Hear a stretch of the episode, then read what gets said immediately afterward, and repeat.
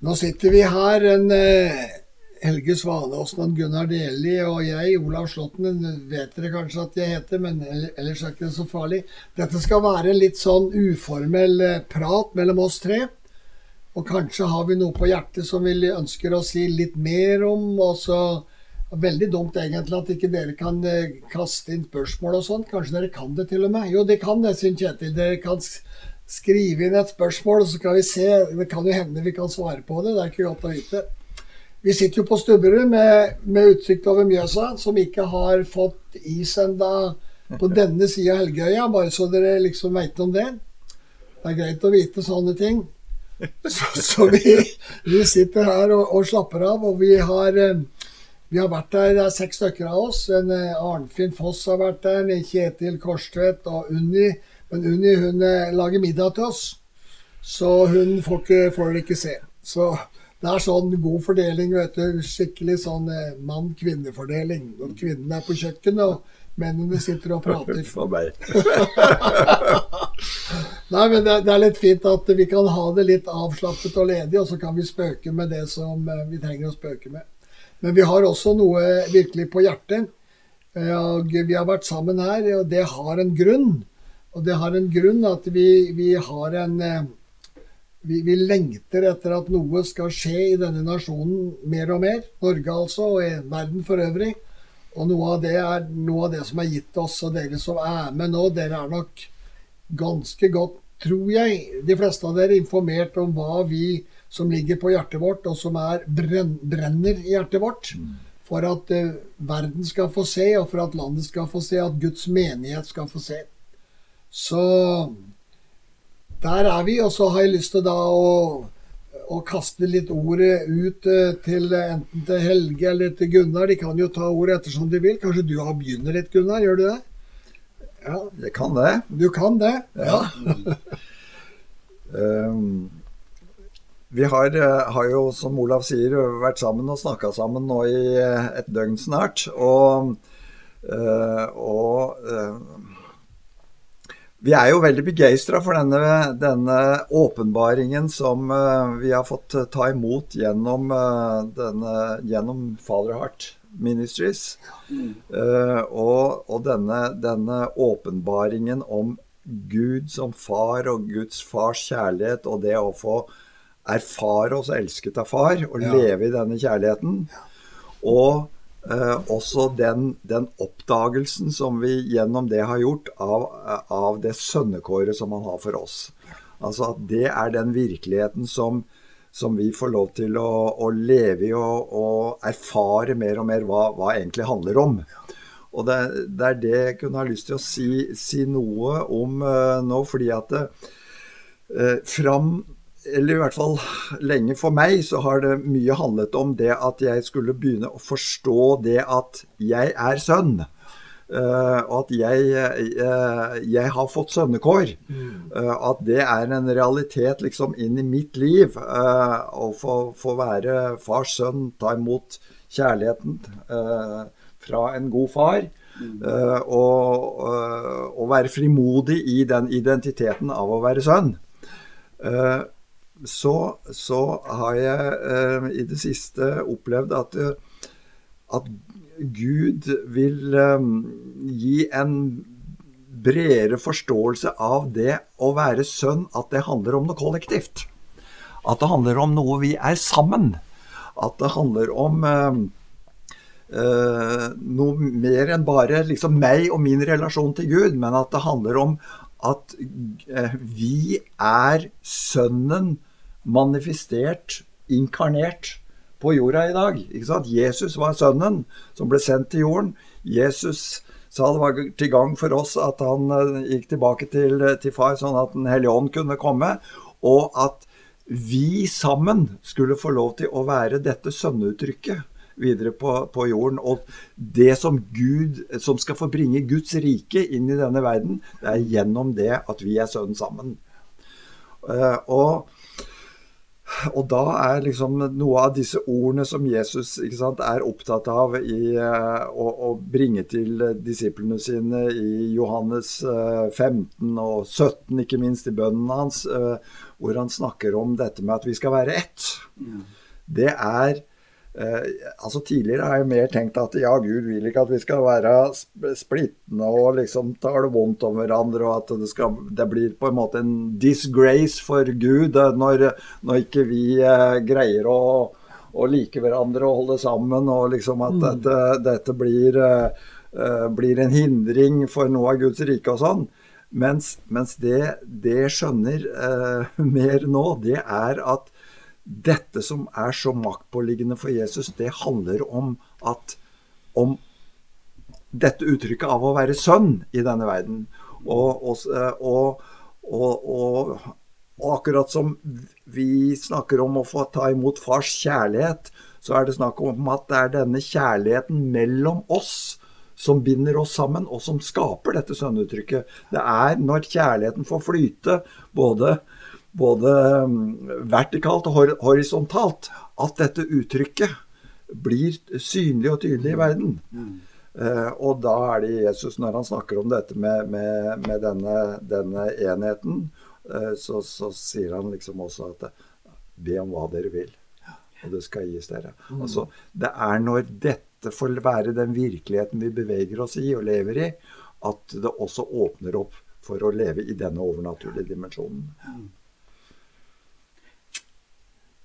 Det er kanskje Ja, ja, det er ja. Ve ve veldig flott, Gunnar. Der gikk uh, datamaskina i gulvet. Det går bra. Det går bra. Uh, det som, jeg, det, jeg, det som uh, noen kanskje kan tenke på, hvor, hvor er skriftbelegget? Og skriftbelegget syns jeg du har kommet veldig tydelig med. Fordi, vår, fordi identiteten vår er jo at vi er sønner i Kristus. Er vi blitt sønner? Vi har fått hans sønnekår, og vi er fars sønner og man, både menn og kvinner er jo sønner, fordi Kristus var ikke Han var sønn. Mm. Og det, det er det, den identiteten vi har. Og den identiteten gir oss eh, Den uttrykkes på en f.eks. hos Paulus i Efeserbrevet. I kapittel 4 så sier jo han at Jesus er hodet, og vi er kroppen. Altså Jesus er hodet, vi er kroppen. Og dermed så sier han egentlig at vi er ett med Kristus. Vi er ett med Kristus. Altså kroppen og hodet hører jo sammen. Kan ikke skille kroppen fra hodet. Og siden Kristus er hodet Det er sånn Paulus bruker det, snakker om det i Efeserbrevet. I, i, Korinterbrevet snakker han jo om at menigheten er hele kroppen. Men i Efeserbrevet bruker han dette bildet. Og det er dette bildet som jeg syns harmonerer med det du sier, Gunnar. At, at vi er dermed sønn, og det er menigheten som er sønn. Ja. Og det jeg syns er spennende med det du sier, da, som eh, treffer meg når vi delte dette også litt i, i, går, det er nettopp at det gir oss en autoritet sammen. Mm. Når menigheten vokser sammen med disse ja. kjærlighetsbåndene, så vil vi sammen få en autoritet. Mm som du nevner, ikke sant? At, at be om hva dere vil, mm. så skal dere få det, sier Jesus. Men fordi vi ikke har vært i disse kjærlighetsbåndene Vi har prøvd. Mm. For å være helt ærlig, vi som sitter her, Helge og Gunnar og jeg og alle vi som er her, vi har prøvd, særlig vi som på 70- og 80-tallet virkelig prøvde å få til dette her. Og vår erkjennelse i dag er jo at det vi prøvde å få til, det var helt rett. Mm. Altså, vi ønsket å, å, å, at kjærlighetsbåndene mellom oss skulle være så sterke. Men, men vi, vi, vi, mistet noe av den vertikale dimensjonen. Mm. Vi ble så horisontale. Det er i hvert fall min vurdering. Og, og, og vi manglet dette som Gud da har, har, gjort så fantastisk de siste jeg vil si 25 årene.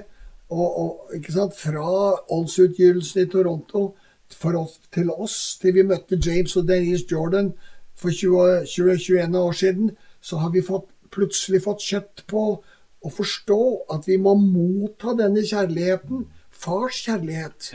Og uten denne farskjærligheten så er vi ikke i stand til å være den menigheten, den kroppen, som Paulus beskriver Og da dermed så blir vi ikke sønner.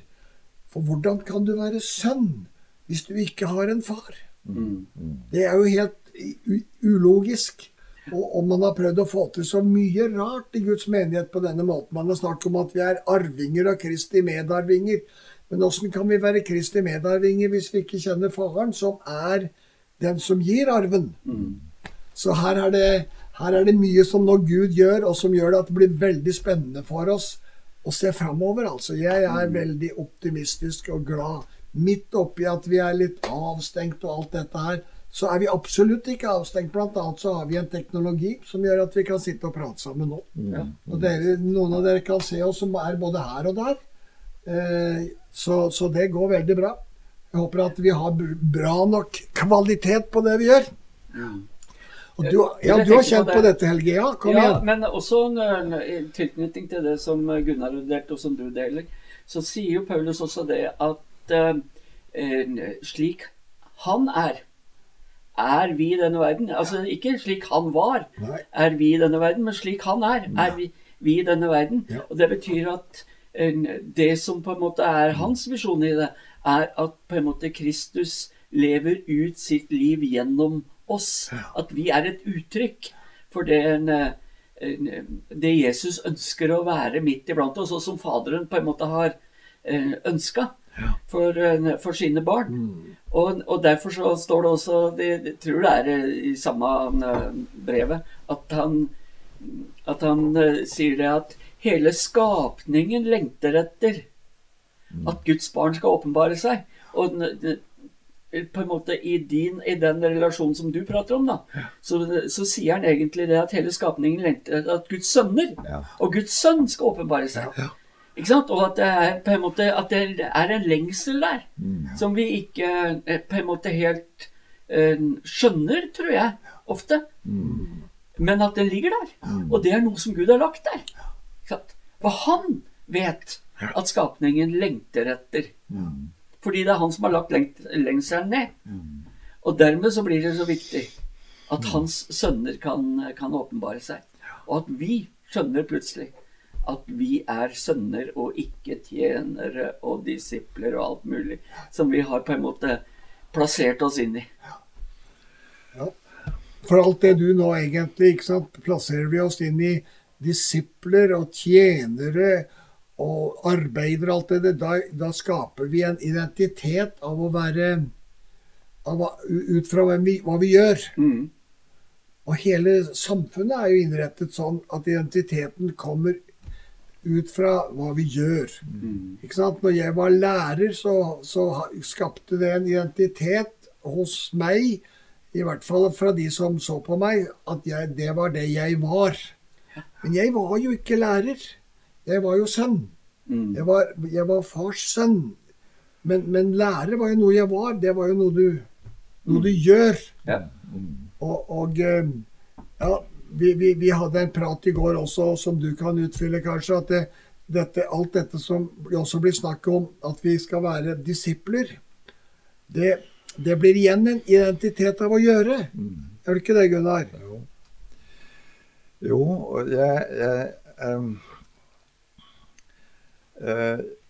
jeg eh, uttrykte vel i går at jeg, jeg kan oppleve liksom en, en, sorg over noe av det eh, når vi snakker om disipler. Eh, og, og, at det å være en disippel blir en identitet. Eh, og jeg tror at det for veldig mange brennende kristne Uh, mange som, som uh, virkelig uh, ønsker å være helt overgitte kristne til, til, til Jesus, og, og, snakker om å følge Jesus, og, og, og har gitt livet sitt til Jesus og for Jesus, har fått en, en, um, en, identitet som handler om det at jeg er en Jesu disippel. Mm. Mens jeg tror at vi må se at dette, denne disippelforståelsen er en forståelse som er knyttet til, til også Jesu eh, Den gang Jesus gikk på jorda mm. og hadde disipler som var med han. Mm. Eh, og de var disipler av Jesus og gikk med han og fulgte han når han var på jorden. Mens eh, når Jesus eh, eh, forlot denne jorden og sa det var til gang for oss at han gikk bort, så var det fordi at han ville føre oss inn i en ny dimensjon. Inn i det å, å være sønner. Og? Det er jo derfor han, han øh, på oppstandelsesdagen kunne, kunne si til Maria øh, at 'gå og si til mine brødre'. For ved det at han døde og sto opp igjen, så, så kom vi inn i en ny virkelighet.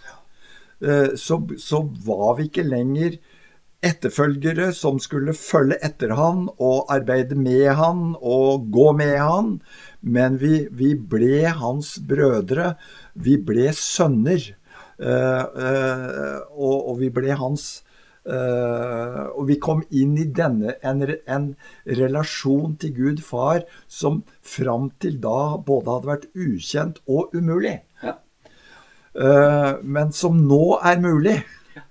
Og, og det å da ehm, Jeg kan oppleve at noe av, av Når vi da har denne dette disippelfokuset, så kan jeg oppleve at det står til blir en hindring for det å kunne se virkelig og få en åpenbaring om denne nye eh, statusen som vi har fått, denne nye tilstanden, hvor vi kan få lov til å innta akkurat det samme forholdet til Gud far som Jesus hadde til Gud far, som sønner. Ja. Og det var, jo, det var jo forutsetningen for alt det Jesus gjorde. Ja. Denne relasjonen. Ja. Og det er jo denne her relasjonen som på en måte har forsvunnet. Vi har sett på hva han, har, hva han drev med, så prøver vi å kopiere det han gjorde, Ja. istedenfor å kopiere det han var. Ikke sant? Ja. Nemlig en sønn som levde i pakt med sin far. Det var jo på en måte forutsetningen for alt det Jesus gjorde. Ja. Som gjorde at han slappa av når han hørte at Lasarus var død. Holdt jeg på å si, fordi at uh, han visste at han skulle reise Lasarus opp igjen. For det hadde hans far i himmelen sagt til ham. Ikke sant? Sånn at han var trygg i det. Han hadde ikke travelt med å komme seg fra Jerusalem for at ikke Lasarus skulle lukte når han kom fram. Han slapp av fordi han hadde på en måte hadde fått det, den på en måte åpenbaringen fra sin far i himmelen. At slapp av, Jesus. Det er her, det tar vi oss av. Spiller ingen rolle om han lukter. Han kommer til å våkne til live igjen.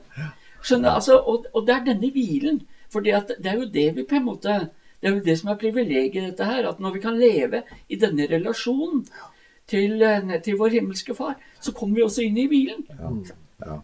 Da blir det ikke oss som skal gjøre det, men da er det han som gjør det. I oss. Og dette er jo veldig spennende. Jeg, jeg har jo sittet og lagd, sammen med Kjetil, så har jeg sittet og lagd en eh, serie over første Korinterbrev.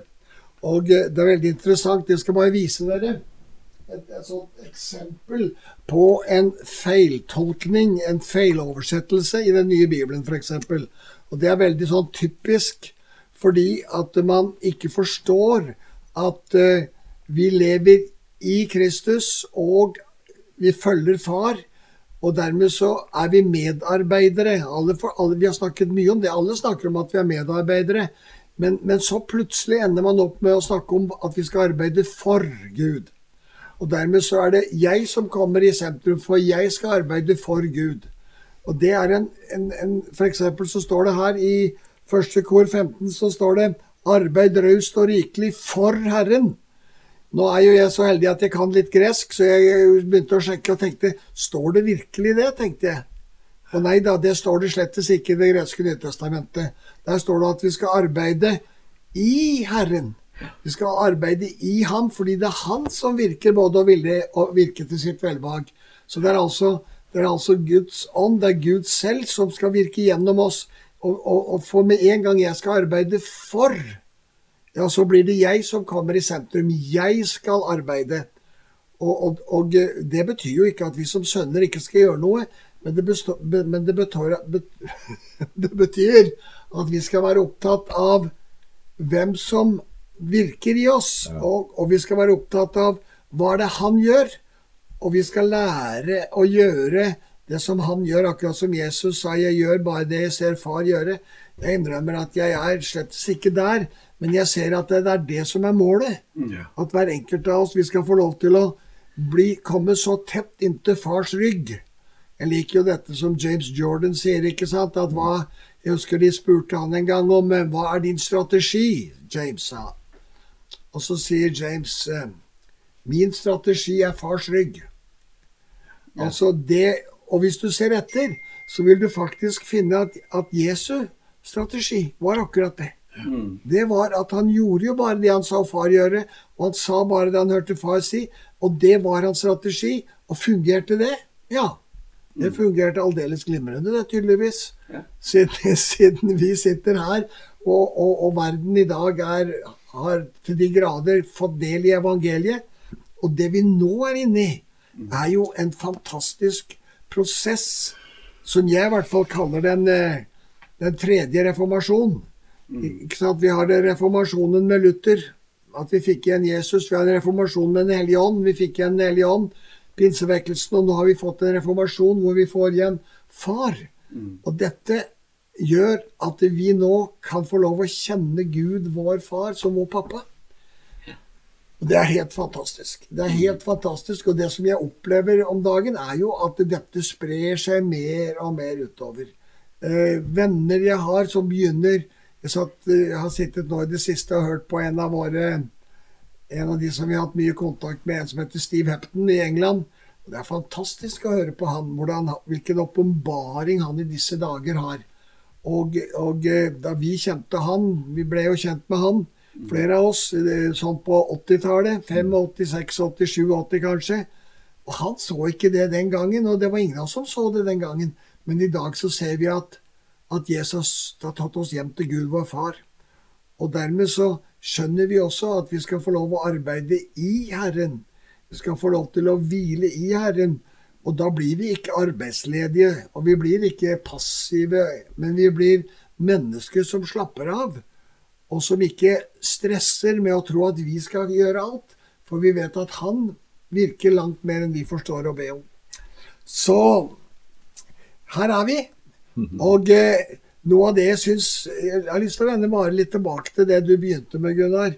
Dette med at vi, vi har fått sønnekår. Det er jo en sånn eh, Vi har jo til og med i i hvert fall i Faderarts Ministry i Norge så har jo vi innført et nytt ord, vi. I Bibelen, faktisk. For der står det jo barnekår. Men det er egentlig en jeg ha lyst til å si det, det er en feilaktig oversettelse. Fordi det ordet som brukes om barn der, er egentlig sønn. Det kan bety begge deler. Men det er klart at Jesus var sønn, og derfor er det opplagt at den rette oversettelsen er sånn som de gjør i, i det engelsk, hvor de kaller det sonship. Sønnekår fordi Jesus var sønn, og vi har fått hans sønnekår. Og dette er jo en helt fantastisk opp, eh, erfaring å få lov å være sønn av Gud, vår far, i Kristus Jesus.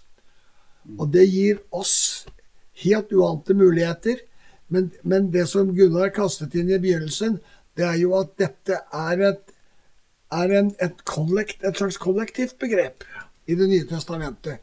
Og det er klart, jødene de, de tenker kollektivt. Og menighet er jo et legeme av mange.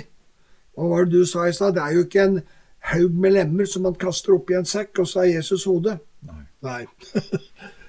så, så dette at vi altså At menigheten er sønn, er en veldig interessant sak. For da, da blir det oppfylt, det som Jesus faktisk lengter etter, og som han snakker om i slutten av eh, Johansevangeliet kapittel 17, hvor han sier det at eh, vi skal erfare fars kjærlighet sånn som han erfarte den. Og så skulle han være i oss. Det, er helt, det, er jo en, eh, det er jo en fantastisk sak. Og så er dette fortsatt forholdsvis skjult for Guds menighet. Ja, det er faktisk skjult, men det er i ferd med å bli åpenbart. Og, og vi tror, i hvert fall jeg tror, jeg får si jeg tror, jeg tror jo at dette tiåret vi er inne i nå, vil være et tiår hvor Guds familie, altså Guds barn, Guds sønner, kommer hjem og inn i hvile. Og, hvor, og, det er bare én måte, sånn jeg ser det, for å komme inn i hvile, og det er faktisk å bli kjent med Gud som far. Jeg sier ikke at folk som ikke kjenner Jesus og er glad i Jesus, kan hvile, men det er en djupere hvile i denne sabbatshvilen som ligger i at vi får tak i og blir elsket av Gud, vår Far, i Kristus Jesus. For det er det Jesus døde for. Og en gang så husker jeg noe som slo ned i meg. Eh, det var igjen jeg sitter her litt James Jordan, og James Jordan husker jeg sa Det slo veldig ned i meg, og dette må jo være kanskje nesten 20 år sia, hvor han sa Hvorfor skal vi ikke gi Jesus det han døde for? Hvorfor gir vi ikke Jesus Hva var han døde for? Han døde for å bringe oss hjem til Gud, vår Far, i ham. Det døde Jesus for. Og så har vi ikke faktisk tatt det på alvor. Han døde for at vi skulle få tak i det som Adam mistet. Og litt mer enn det. Så jeg vet ikke om dere vil utfordre det noe mer, eller, eller gå i en annen retning, eller Jeg kan bare tenke meg å si i, i tilknytning til dette kollektivet For jeg tror at um, noe av det Gud vil gi oss her, er en, en, en fornyelse av, uh, av menigheten. Uh, en fornyelse av vår, vår, forståelse for menighetens betydning. Mm. Altså at menigheten er noe mer enn bare det at vi kristne trenger å eh, komme sammen og ha møter og bygge hverandre opp og liksom og ha et fellesskap og eh, få påfyll av Guds ord og kunne, kunne få be sammen og liksom eh, Altså det, det, vi trenger for liksom å overleve som kristne i denne verden. Mm. Men, men, men, at menigheten hvis vi, hvis vi forstår det at at det er det at vi som sønner er sønn sammen i denne verden, mm. så forstår vi at det, er, at det er gjennom dette at Gud kan få at Gud far kan få åpenbart seg i denne verden.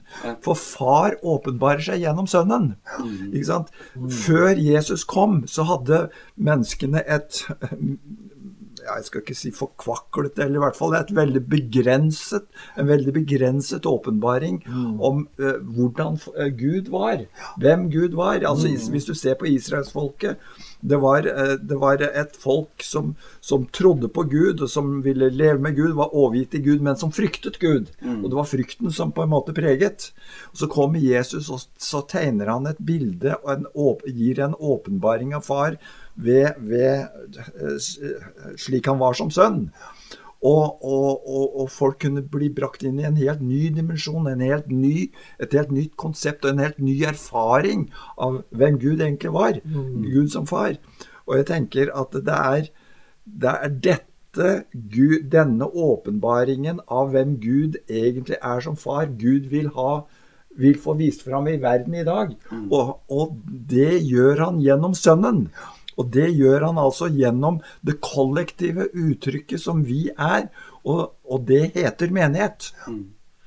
Eh, så, så, så, jeg tror at Gud vil gi oss en mye rikere og sterkere åpenbaring og brann for menigheten. Sånn at eh, dette, dette forholdet til Gud som far ikke bare er en individuell sannhet som noen mennesker her og der rundt i verden begynner å skjønne, men faktisk at dette blir noe som transformerer menighetene våre og fører oss som menigheter inn i en ny dimensjon av, av, av vår rolle i, i Guds rike. Ja.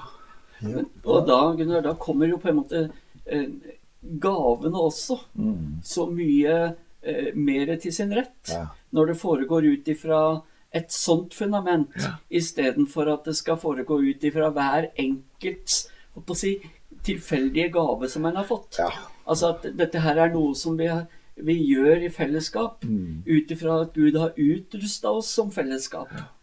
Og jeg bare tenker en uh, situasjon som uh, vi var oppe i uh, for ikke så veldig lenge siden. hvor en, en, dame i Ål ringer Altså får en åpenbaring om natta.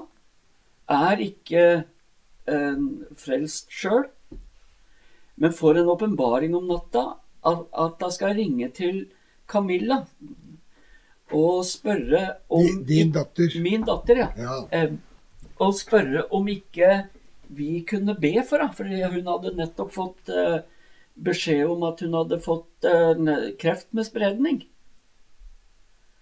Eh, og da vekker altså Gud henne, minner henne om Camilla, og sier at spør henne om ikke de kan be for deg.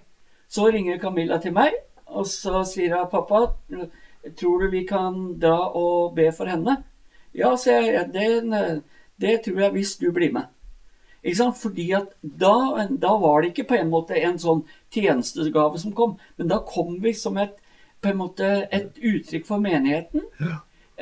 Og så og, og, til henne som hadde fått en åpenbaring av det. At det var en løsning. Ja. Og så gjør vi jo det. Ja. Og har en veldig hyggelig stund sammen. Og Camilla og jeg ber for vedkommende. Og føler at nå er eh, oppdraget eh, utført, holdt jeg på å si.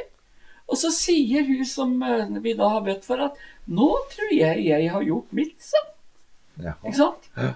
Fordi at det som var hennes, det var at hun skulle spørre om å bli bedt for. Ja. Og, så hadde, og så sa vi at ja, og nå har vi gjort vårt, for det vi har gjort, det er at vi har bedt for deg. Så nå er det opp til Herren. Ja. Og så går det altså tre uker, og så får Camilla en telefon om at Vet du hva, Camilla? sier hun. Nå har jeg vært og, og blitt skanna med tanke på en eh, operasjon, og det blir ingen. Fordi at eh, det eneste de fant, var en ørliten kul bak den ene nyra. Det fantes ikke spredning i kroppen min. Ingenting. Og den der vesle kuren var det ingenting å, å bry seg om. Og da tenker jeg Altså, eh, hun opplevde at nå har jeg gjort mitt. Mm. Vi opplevde nå har vi gjort vårt. ikke sant? Mm. Da var det på en måte bare opp til Herren å gjøre resten. Mm. Og det, det, kunne vi gjøre som et, som et, uttrykk for at Gud hadde åpenbart ikke for oss engang, men til en som ikke trodde på han. Sånn at, og det da snakker vi om å komme inn i hvilen når Gud begynner å, ja. å åpenbare for folk ja. eh, hva de skal gjøre. Og så, og så, gjør de det, og så gjør vi det vi skal gjøre. Og så tar han seg av resten. Det er mm. Da blir det ganske avslappende og fint. Det er veldig, veldig spennende, Helge. Og dette tror jeg vi skal komme til å se i en helt annen dimensjon etter hvert som eh, vi kommer inn i dette at, eh, at at kjærligheten blir utøst iblant oss ja. i djup, djup målestokk. Og, og, dermed at det skapes relasjoner, kjærlighetsrelasjoner i menighet, altså i, i Sønnen, som da er menighet på jord. Altså Kristi kropp. Kristus er hodet, kroppen, dette er enhet. Og det er noe spennende som eh, Jeg husker vi satt her i stua for en del år tilbake. Og så hadde vi en, eh, vi hadde en eh, samling her av Vi var vel en ti-tolv stykker. Litt ikke fra rundt omkring. Og så husker jeg at vi hadde en utrolig kjærlighetsatmosfære her. Mm. mm. Og så plutselig så oppdaget jeg at vi skulle be for hverandre. Og, og så var det sånn at, at de som aldri hadde profetert, plutselig profeterte. De som aldri hadde hatt kunnskapsord, hadde kunnskapsord. Og jeg satt og tenkte dette var jo merkelig, sa jeg. tenkte jeg. Og så hadde vi Les Hockey, som noen av dere kjenner. Han var her. Og så sa han det var utrolig hvordan dette skjedde, sa jeg. Og forklarte han at disse, det, vi, vi, det var jo en frihet her til å fungere i åndens åpenbaringsgave som jeg nesten aldri har sett, sa jeg. Mm. Og så sier han enkelt Ja, men det er kjærlighetsatmosfæren, sa han. Har du ikke sett noe enkelt sa han. at eh, i første Korinterbrev så står det kapittel 13. Mm. Kjærlighetskapitlet. Det står mellom åpenbaringskapitlet og tjenestegavene og funksjonen av tjenestegavene. Men midt oppi dette så ser kjærligheten. Så når kjærligheten flyter, så flyter mm. også gavene. Og det er jo noe av det vi sjølsagt lengter etter også. Ja. Og så må vi bare være da de, de folka som beveger oss i takt med, med hva Gud åpenbarer, og da drikke inn denne kjærligheten. Mm. Stadig drikke inn denne kjærligheten, så vi kan få lov til å fungere i det Gud har kalt oss til, og overfor verden. Og Da er det spennende. Da kan det bli mye sånne saker som du snakker om nå, Helge. Mm. Det tror jeg. Og, og, ja. Mm. Fordi da kan Gud begynne i grunn å, handle litt på egen hånd og bare introdusere oss for utfordringene som han har lagt ferdig for oss for at vi skal gå i dem. Ja. Det, eh, men jeg tror at denne enheten mellom oss er en nøkkel til det. Fordi at enhet mellom oss betyr også enheten med Han, som har skapt hver enkelt av oss. Ja. Så Og, og han elsker oss enormt. Ja. Altså det skriftstedet du siterer nå, ikke sant, i Efesbrevet 2,14, at vi er skapt i Kristus Jesus til gode gjerninger som Gud har lagt ferdige foran. Og, og vet du hva det står der? Vi, vi er Guds poesi, står det faktisk på gresk. Og det, det, det, altså det er et uttrykk for at vi er Guds mesterverk. Vi er noe Gud setter enormt høyt, altså, som han elsker og, og liker. Og som han liker å åpenbare seg gjennom. Og så ligger gjerningene ferdig foran oss, og så får vi leve det livet vi lever, og så får vi se hva slags gjerninger Gud har lagt ferdig foran oss. Enten det er noen som ringer, eller noen ikke ringer, eller hvor vi måtte være. Så kan vi få lov til å være dette kjærlighetsuttrykket. Men jeg lengter virkelig etter å se at menigheten, og det, det er Guds lengsel Og Gud, Gud eh, Jeg tror at det er en sorg i Guds hjerte at vi som menighet ikke forstår hva vi er. Og vi kan ikke forstå egentlig hvem vi er, og erfare hvem vi er, før vi også har en erfaring av å komme hjem i Guds farshjerte, slik at Han kan la oss motta den kjærligheten som vi ikke kan produsere sjøl, og som vi ikke har, men som Han har lovt å gi oss. Og vi har vel vært innom denne profeten, profetien i Esekiel, Gunnar, har vi ikke det? I 36. Åssen var det du siterte den her i stad? Ja, jeg husker han ikke ordrett, men, eh, men eh, han eh, sier jo to ganger at vi skal få et nytt hjerte. Mm. At, eh, at Gud skal ta steinhjertet ut av, eh, av kroppen vår og gi oss et kjøtthjerte, altså et mykt hjerte, et reseptivt hjerte, et som kan ta imot. Eh, Og så er det den fantastiske eh, forklaringen eller tillegget som han har, hvor han eh, sier at Og jeg skal gjøre at dere Og så er det jo gammeltestamentlig terminologi, da. Følger forskriftene mine osv. Men at det, det handler om at, at vi, eh, han skal gjøre slik at vi kommer inn i eh, eh, følger hans vilje, eller, eller at, at han får sitt verk med oss. da. Altså Det er han som gjør verket i oss, er poenget. Eh, altså Så mye av eh, kristendom har handlet om selvforbedring. Og, eh, og det å jobbe på seg selv og jobbe på sin frelse med frykt og beven, som jeg har eh, liksom eh, trodd det handla om. At jeg skulle bevise overfor Gud at, at hvor, hvor overgitt og, og helhjerta og trofast jeg var, så jeg skulle virkelig forandre meg. Og så sier, så sier Gud altså jeg gjør, jeg gjør verket. Det er jeg som gjør det i, i livet ditt. Og det som forandrer oss, det er mottaket av fars kjærlighet. Altså det er bare kjærligheten som kan forandre ting i våre liv. Det er bare kjærligheten som skaper frukten i, eh, eh, i våre liv. Det er eh, eh, Altså fruktene i våre liv er kan bare være produkter av hva vi har fått ta imot av far.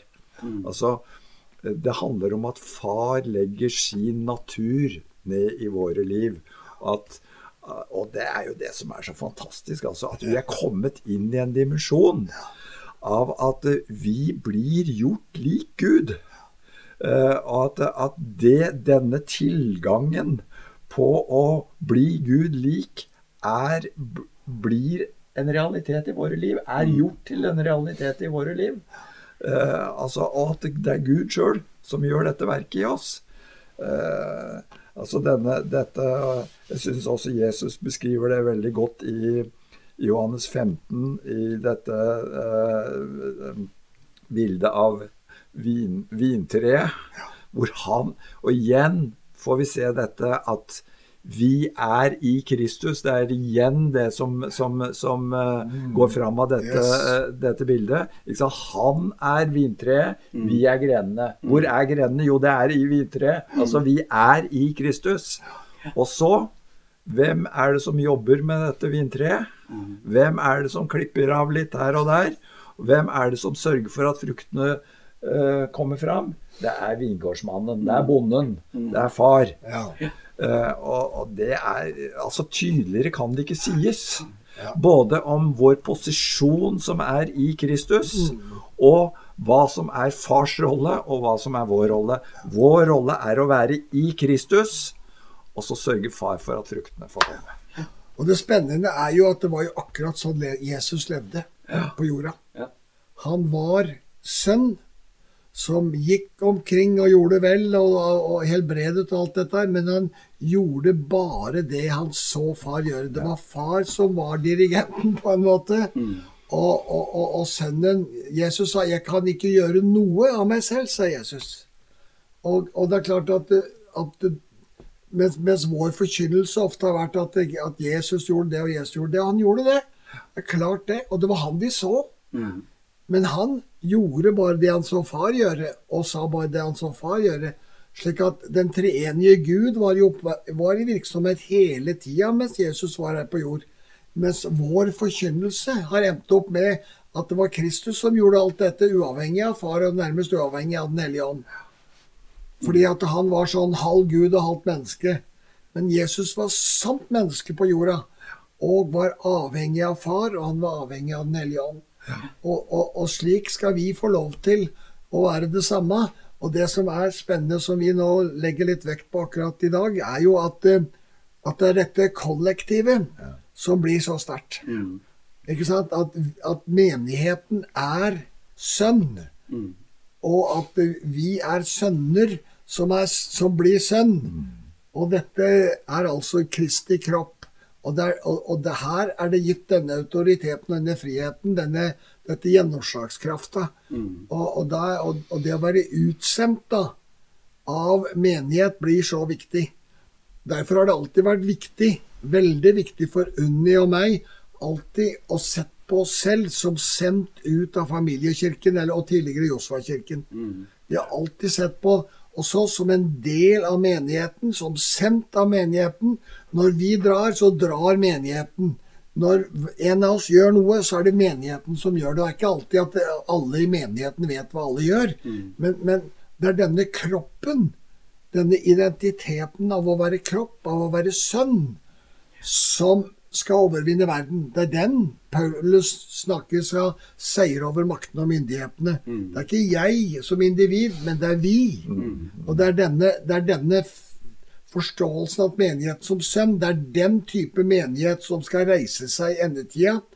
Og det er den drømmen vi har, og lengselen, og som vi tror skal bli en realitet. At vi Men du har din egen? Ja, det, det. Så nå har du, men du har slutta opptaket nå? Så det gjør nå, skal jeg se om eh, Ja, ja. alt. Men det vi kan gjøre, vi kan prøve å komme på igjen. Nei, men jo, ja, det Ja, det, fall. Ja, det kan vi. Jeg hadde, eh, vi hadde egentlig tenkt å avslutte det nå, jeg. Ja. Tenkt, Olav, nå er vi eh, Nå er vi på igjen. For Ja. de som ikke har hvis det er noen av dere som mista oss, men som har kommet på igjen, så er vi her nå. Er det riktig, Kjetil? At, at nå er vi Du vet, vi, vi er jo eh, Vi er jo ikke midt i Gjøvik, men det er ikke, skal jo være litt nett her òg, da. Men det, det ja, det, Er vi på nå, Kjetil? Ja. Det jeg egentlig hadde tenkt å gjøre til slutt Jeg hadde egentlig tenkt å, at vi kunne be igjen. Fordi at vi er her nå. Vi er eh, seks mennesker her på Stubberud nå. Og eh, det jeg hadde lyst til å gjøre bare, er at vi som legeme her eh, Det kan jo hende at du som sitter og, og nå er på og er med oss igjen, at du har et behov. Og vi vet ikke hva slags behov du måtte ha. Men det vet Gud, og det vet Den hellige ånd. Og jeg har bare lyst til at vi skal be en kort bønn Mm. og velsigne deg til å få se.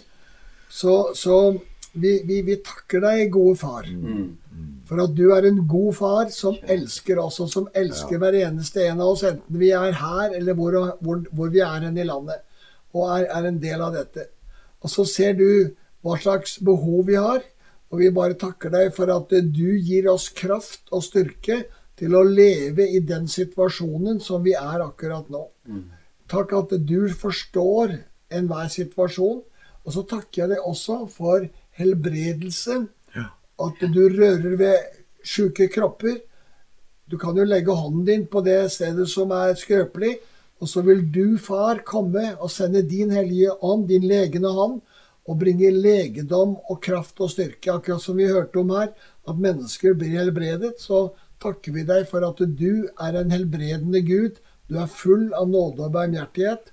Og med smerte, en indre smerte som noen kan ha, takk at du kommer med din fred, far. Din fred som overgår all forstand. Og, og, og Guds fred som, som er, overgår all forstand, skal bevare ditt hjerte i Kristus Jesus. Takk, Jesus. Vi takker deg for all din bar- barmhjertighet. Amen. Amen. Amen. Og for dere som har vært med oss nå, så sier vi takk for nå. Og så er vi, er vi jo Ja, vi er jo på lufta her klokka 11 i morgen, vi. Ja, men nå, nå kommer jeg litt inn på sidelinjen her, Olav. For Ja. vi sa også at vi kunne ta noen spørsmål. Oh. Og dere reflekterte jo litt rundt dette med å være, være disippel og det å, å tjene. Eh, og på en måte hvordan man gjør det ut ifra det å, å virke i Guds rike. Så det har kommet et spørsmål her om det, i hvilken grad på en måte det finnes et, eh, et bibelsk belegg eller et bibelsted som sier noe om dette med å, å, å tjene eller være disippel. Om det har sin identitet i å gjøre. Jeg tror ikke det var det du sa, men kan du bare reflektere litt rundt dette med, med identitet i det å gjøre? Ja, altså det kan vi sikkert svare på alle, men poenget er jo at Paulus gir oss en veldig klar identitet. Når, når f.eks. i Galaterbrevet, hvor han sier at vi at, eh, at eh, når vi har fått sønnekårets ånd, altså denne ånd, barnekårets ånd, så roper vi 'Abba, far'. Og dermed så gir og, da, og det er der identiteten vår skapes. I det vi som sønner kaller Gud vår far, så har det sin identitet. Altså jeg er jo sjøl sønn av en far. Og min far var fabrikkarbeider på Mustang. Men det betyr ikke at jeg var eh, sønnen av en fabrikkarbeider. Jeg var sønnen av min far, og den identiteten han var som person for meg. Og det er jo slik vi får identitet fra vår far. Vi får ikke identitet fra hva våre foreldre gjør, men fra hvem de er. Og slik er det også med Gud, vår far. Det er han som gir oss identitet. Og Så identiteten er far-sønn-relasjon, far-datter-relasjon.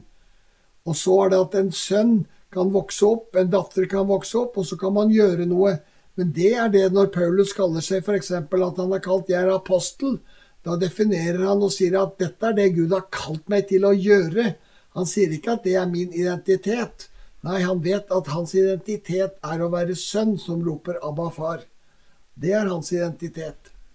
Vet ikke om det var noe svar. igjen om dere Jo, har og, lyst den- til å den identiteten er jo forutsetningen for det han gjør. ja. Ikke sant? Fordi at Hvis ikke så, så var det akkurat som om Paulus var utsendt alene, men han er ikke utsendt alene. Han, han er på en måte i Kristus, og han er i sin far når han er ute og gjør det Gud kaller ham til å gjøre.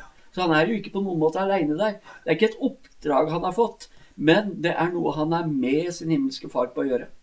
Men du kan jo si litt mer, Gunnar, om dette med, med disippel, for det høres jo ut som at det er en identitet som folk har. Ja, og det er, det, er der, det er det jeg mener er problemet. At man, eh, at man gjør eh, Eller at dette er blitt eh, aktive kristnes identitet. Eh, eh, altså, det å eh, være disippel handler jo om å være en som, som mottar et budskap og tar imot noe. Føres inn i, får lære, får komme inn i, i den virkeligheten som, eh, som mesteren eh, vil føre en inn i. Og egentlig, som, som du i går også, Olav, eh, eh sa, så er, så er eh, i, i, hebraisk tankegang så er jo dette med eh, denne overføringen av kunnskap, av, av innsikt, altså den er relasjonell. Den er Altså, vi vi forstår dette med, med disippelskap, eller eh, lærer det å, det å lære, mye ut fra en gresk tankegang. Som, som, handler om altså at, at, det er en overføring av konsepter. Er en overføring av, av teoretisk kunnskap, eller kunnskap på, ulike nivåer, uh, som er liksom eh, konseptuell og ikke relasjonell, for å bruke slike uttrykk. Ja. Eh, altså, mens, mens, i jødisk tankegang, hebraisk tankegang, så handler det altså om at eh, det er eh, Man lærer i den relasjonen som man får stå i til den som, den som lærer en. Mm. Uh, og, og, man får ikke bare tak i i, i, kunnskapen eller konseptene fra denne personen, men man får tak i selve det livet som det vedkommende overfører til, til den andre. Uh, og dermed så kan man egentlig mer uh, snakke om, om, noe av det som foregår i en far-sønn-relasjon, mm. enn i en lærer-elev-relasjon. Mens, mens, i vårt disippel, vår disippelforståelse så har vi mye mer en, eh, en lærer-elev-tankegang ut fra en gresk eh, arv som vi har. Mens, vi, mens, når vi skal forstå dette med at Jesus bruker jo disippelbegrepet der i misjonsbefalingen, så handler det om altså hvordan vi skal kunne få lov til å være med å føre mennesker inn i den virkeligheten vi selv får lov til å, å leve i med far. Mm. Uh, og, og at, at, det er den, den, virkeligheten vi skal få lære folkeslagene opp i, eller føre folkeslagene inn i. Uh, mens, uh, og så har det som en følge av den, denne greske forståelsen igjen blitt en, en, en, en, oppfatning av at ja, så handler det om å gjøre, omsette eh, i praktisk handling det som vi har lært. Og dermed så får du dette gjøre-perspektivet inn på, på, på, i, i disippeltenkningen. Mm. Men jeg tror det er viktig å forstå alt det, nei, når, eh, dette som Jesus sier her i misjonsbefalingen, i lys av denne åpenbaringen av fars kjærlighet og sønnekåret vi er kommet inn i. Og så må vi også bare se at, eh, at det er den forståelsen som, som, uh, som, hele brevlitteraturen og Nytestamentet videre er gjennomsyret av, og ikke av denne, denne tradisjonelle greskfunderte disippeltenkningen. Mm. Ja, det er veldig viktig. Og det er jo interessant, bare som en liten bit her, som nettopp Gunnar sier, at hvis du går videre i Paulus' brever, i Peters brever, eller alt det Johannes skriver, så, så er jo dette disippelbegrepet borte. Du finner det ikke igjen i noe av brevlitteraturen eller, i, eller utover i Bibelen, fordi at Paulus' identitetsbegrep er far-sønn, Abba-far. Johannes tenker far-sønn. Han snakker, snakker hele tida om familie, ikke sant? Mm. Han bruker ikke uttrykket sønnekår, men han snakker om familie, og at, fars, at, Gud er kjærlighet, og at han elsker oss. Det er en far som elsker. Og, og, dette finner du hele veien. ikke sant? Peter vil si at vi har fått Guds DNA. Altså vi har, vi har fått dette mm. identitetsmerket. Det, og, og, hvordan kan vi ha Guds DNA hvis vi da ikke er sønner? Det, så dette er det som gjennomsyrer Det nye testamentet etter oppstandelsen, etter pinsedag. Men Det betyr ikke at det er noe feil, men, vi, men dere som også leser én eh, sånn eh, misjonsbefaling, så kan det være ålreit å lese de fire andre òg, og se hvordan de også ser ut. fordi at uh, i verden i dag så, så, opereres det som om det bare er én misjonsbefaling, men Lukas har én, Markus har én, Johannes har én, og apostlenes gjerninger har én. Som da ikke, ikke snakker om disipler noe. De bruker ikke de begrepene, noen av dem. Hvis dere ikke vet hvem Johannes evangeliet er, så, for den er litt skjult i at det står 153 fisker. Og Det var fordi jødene trodde og mente at det var 153 folkeslag. Så når Johannes skriver det, så har han da sagt at dere skal gå ut til 153 folkeslag og få tak i dem. Fiske dem. Ja, Så der ligger det. Og der ligger det, Ja. ikke sant? Samtidig som at uh, en av de tingene som jeg um, både kjenner litt at jeg trekker ut ifra den, den, eh, den praten dere har hatt, men òg det som jeg møter hos mennesker som blir kjent med dette budskapet, det er at eh, når man blir, eh, blir kjent med det å, å, å hvile og kjent med Gud som far, så blir man nesten litt eh, fremmed for, for det å gjøre. Altså man, man føler seg litt nesten sånn at man ikke skal gjøre. Og, og der tenker jo jeg at det blir litt feil igjen. Men jeg tenker at det å gjøre, det kommer ut ifra nummer én både en identitet og kjennskap til Gud som far, men òg ut ifra hvile. Og så er det dette med at eh, det å gjøre, at det kommer ut ifra den kjærlighet som Gud har gitt oss i hjertet. Altså Paulus sier at det er Guds kjærlighet som driver meg. Ja. Og for meg så oppleves den kjærligheten som en barmhjertighet for andre mennesker. En nød for andre mennesker, og en lengsel etter å la andre mennesker også få lov til å bli kjent med Gud. Mm. Kjent med Gud som far. Mm. Og jeg har også sett det at tidligere så hadde jeg en nød for menneskers fot. Nød for menneskers eh, økonomi. Hva venter du med en fot? Hvis du har halta. Å ja. ja. Hvis du halta, hadde jeg nød for foten. ja. Hadde du dårlig økonomi, så hadde jeg på en måte nød for økonomien. Ja. Men nå så kjenner jeg at jeg får lov til å ha nød for menneskets hjerte. ja. Ut ifra den kjærlighet som Gud har gitt meg i mitt hjerte. Mm. Og jeg tror det at når man kommer inn i dette, så er det ikke slik at man gjør mindre, men man gjør det ut ifra en annen forståelse. Man gjør det ut ifra en annen identitet. men man- man gjør det ut ifra en helt annen drivkraft. Mm. Ikke her, av at man skal gjøre, man skal tjene, men ut ifra hjertet, for det er Guds kjærlighet for Satan i Mm. brann i møte med mennesker. Så får man barmhjertighet for mennesker. Jesus eh, sa jo det at eh, min far arbeider, og jeg arbeider også, eller var det ikke sånn han Han sa sier, det? sier det. Og, og, og jeg tenker at det er For meg har det vært så fantastisk det å nettopp um, få, få oppleve at jeg får arbeide med far og ikke for far. Eh, altså at jeg får være med på det som far gjør i denne verden. Uh, og se at det er hans verk, det er han som handler.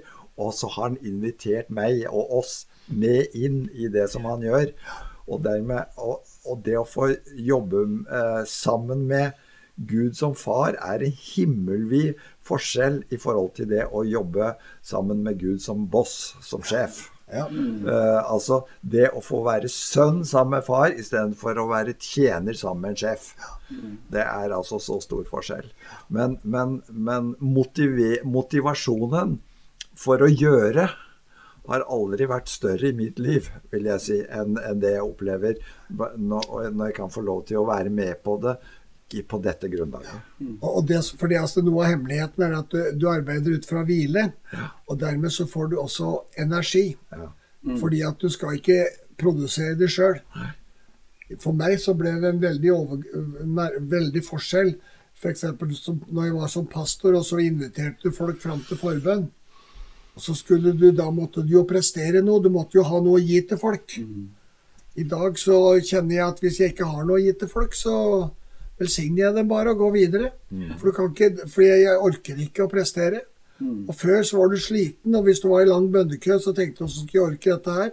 I dag så tenker vi får ta det litt etter litt. og og nå er det ikke så, I denne koronatider så er det ikke noe særlig bønnekø, så vi slapper veldig godt av med det. Men, men eh, det, er denne hvilen som jeg tror at vi skal komme inn i. Men jeg tror at vi skal runde av nå, jeg. Ja. Hvis det er ålreit, Kjetil. Fordi at du skjønner at det Unni har lagd middag til oss.